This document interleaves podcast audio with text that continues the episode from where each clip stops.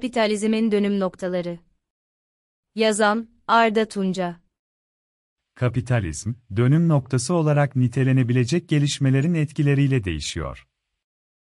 21. yüzyılın ilk çeyreğinin sonuna yaklaşılırken, başkalaşan bir kapitalist süreçte karşı karşıya dünya. 1929'un Büyük Depresyon günlerine kadar genel kabul görmüş, bırakınız yapsınlar, tarzı kapitalizm Büyük Depresyon'un beraberinde getirdiği büyük bir işsizlik sorununa çözüm getiremedi. İkinci Dünya Savaşı'nın bittiği 1945'te İngiltere Başbakanı olan Clement Attlee'nin Keynes'in düşüncelerine dayalı ekonomi modeli ile hem uygulamada hem de teoride çığır açıldı. Keynes, İngiltere'nin ekonomi politikalarına yön verirken, fikirleriyle dünyaya da bir pencere açıyordu. 1945 sonrasının dünyası, 1971'e kadar devam etti.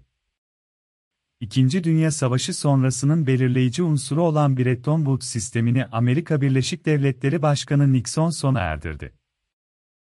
1973'te bir petrol krizi yaşandı ve petrol fiyatları yaklaşık olarak 3'e katlandı. Ardından, durgunluk ve enflasyon yaşandı.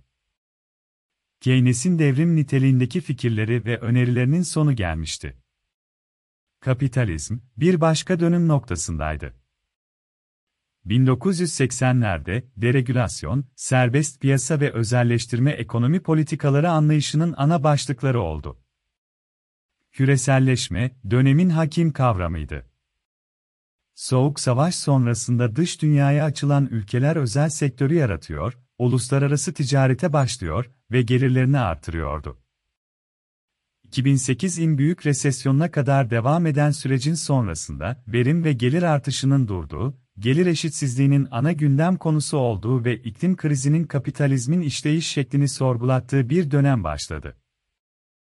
2008 sonrasındaki dönem, maliye politikalarını değil, para politikalarını öne çıkardı. Zira eskiye göre çok finansallaşmış bir dünya yaratılmıştı. Merkez bankaları, ekonomilerin yönetiminde başrole yerleşti. Küreselleşmenin etkisiyle sermaye uluslararası düzeyde artık serbestçe dolaşabiliyordu. 2008 sonrasında, verimi düşmüş kapitalist ekonomileri ayakta tutmanın yolu olarak sıfır faiz politikası ve parasal genişleme görüldü. Bu yöntemler, çözülmesi geleceğe bırakılan sorunlar üretmekteydi. Kapitalizm, hemen hemen son 150 yılda yaşadığı dönüm noktalarının ardından Covid-19 öncesine finansal açıdan istikrarsız, çevre ile ilgili sürdürülemez, politika ile ilgili ise itibarsızlaşmış bir ortamda giriyordu. Diğer yandan, teknoloji firmalarının piyasa egemenliğinin arttığı ve oligopol ve hatta tekelleşme eğilimlerinin güçlendiği bir süreç çalışıyordu olumsuzluk sergileyen ekonomik gelişmelerle beraber demokrasilerin art arda hasar aldığı bir süreçte çalışmaktaydı. Politikada yükselen popülizm, politikanın popülerliğinin düşmesine neden oluyordu. Uluslararası ilişkilerde ve bazı ülkelerin iç siyasetinde ve sosyal yaşamında kutuplaşmaların kendini gösterdiği bir dünya giderek ağırlığını hissettiriyordu. Dünya genelinde seçmenlerin siyasi tercihleri siyaseti demokrasiden uzaklaşmaya zorlayan özelliklerini artırıyordu. Hem siyaset, hem de seçmen demokrasiden uzaklaşmaktaydı.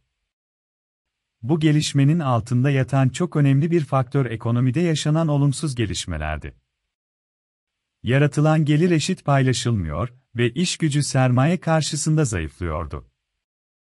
Covid-19 kriziyle beraber, faydaları sorgulanmakta olan kapitalizmle ilgili yeni bir tanımlama ihtiyacı yoğunlaştı.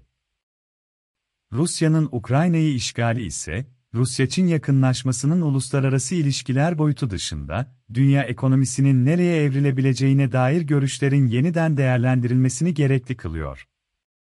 Covid-19 krizi boyunca sıkça tartışılan konu başlığı inovasyon oldu.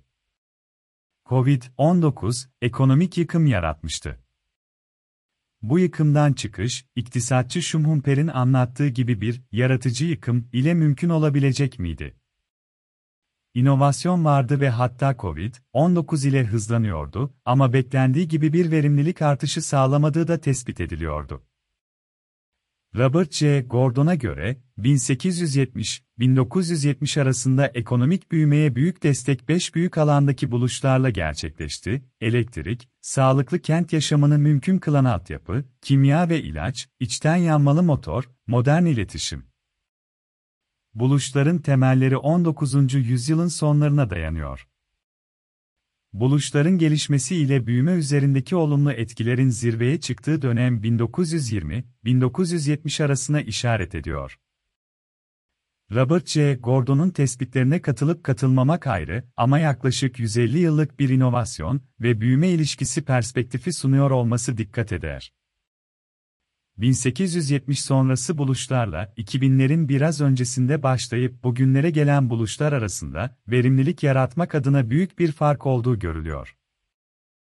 Üretim ve tüketim ilişkilerinde ve çalışma koşullarının değişiminde verim artırıcı doğrudan etkilerin 1870'lerle başlayan dönemde daha üstün olduğu tespit edilebiliyor buluşların firmalar düzeyinde başını çekmiş önemli kuruluşlarının yer aldığı Dow Jones Industrial Average içinde listelenmiş ilk 30 firmaya bakacak olursak, 1928 listesinde yer alan hiçbir firma bugün bu listede yer almıyor, kapitalizmin dönüm noktaları büyük değişimler yaratıyor. Bugünün kapitalizminde, giderek büyüyen şehir yaşamları ile kırsal kesim arasında kopan yaşamlar var eğitimli olanlar ve olmayanlar arasında üretim ilişkilerinde kopuşlar var. Ülkeler düzeyinde, yüksek ve orta gelirlilerin yer aldığı bir taraf ile kırılganlıkları artan ülkeler arasında yaşanan kopuşlar var.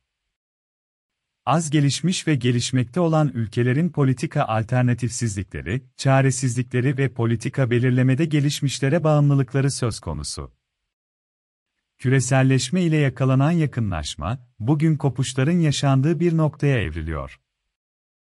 Bu noktadaki kopuş, kapitalist düzenin kendi içindeki teknik ve sosyal bir dönüşüme işaret ediyor. Bir de ülkeler arası ideolojik ve rejim eksenli kopuşlar var çeşitli kriterlere göre, daha demokratik, daha az demokratik, totaliter, VB nitelemelere tabi tutulan ülkeler arasında ekonomiye yaklaşım farklılıkları belirginleşti. Küreselleşmenin yoğun olarak yaşandığı 1990'larda ve 2000'lerde bugünün yaklaşım farklılıkları hissedilmiyordu. Küreselleşme, farklı boyutta da olsa tabanı geniş bir fayda sağlıyordu. Marjinal etkiler çok güçlüydü farklılıkları ortaya çıkarmak için henüz erkendi. Ancak, ülkeler arasında ve ayrı ayrı toplumların kendi içlerinde eşitsizliklerin özellikle, 2008 krizi sonrasında artan oranda hissedilmesi kapitalizmin bir başka dönüm noktasına ulaşmasına zemin hazırladı geleneksel olarak kapitalizmle yaşamış ülkelerle rejim değiştirmiş ülkeler arasında, Soğuk Savaş döneminin ortaya koyduğu derin ideolojik farklılıklar olmasa da, küreselleşme döneminin getirdiği yakınlaşmadan kopuş var. Rejim değiştirmiş ülkeler bugün, ekonomik açıdan güçlenmiş olarak kopuşun bir tarafında yer alıyorlar. Bu noktada ekonomi, uluslararası ilişkiler ile iç içe geçiyor kapitalizm bir dönüm noktasından geçerken ve özellikle adaletini sorgulatırken, dört konu özellikle önemli bir zorunluluk boyutu kazanıyor. Teknoloji firmalarının yarattığı sosyal değişimlerin sürekli mercek altında tutulması zorunluluğu, teknolojinin yarattığı ve yaratabileceği dengesizlikler nedeniyle istihdam piyasasının sürekli düzenlemeye tabi tutulması zorunluluğu, finans piyasalarının istikrarsızlık yaratma potansiyelinin ele alınması zorunluluğu çevre ile ilgili ağır sorunların çözülmeye başlaması zorunluluğu. Kapitalizm, yarattığı bu sorunları yaratıcı tarafını kullanarak çözebilecek mi, yoksa tıkanma yaşayarak yıkılma yönünde mi ilerleyecek? Bu soruya yıllar boyu cevap aramaya devam edeceğiz. Bu çevre felaketiyle, bu kadar yüksek nüfus ile ve aynı zamanda insan faktörünü giderek kendi çarklarının dışına atma arzusunda olan bir kapitalizm ile tıkanma sürecinin tahmin edemediğim bir süre daha devam edeceğini öngörüyorum. Covid-19 krizi günlerinde büyük sıfırlama kavramından sıkça söz edilmesinin bir anlamı vardı.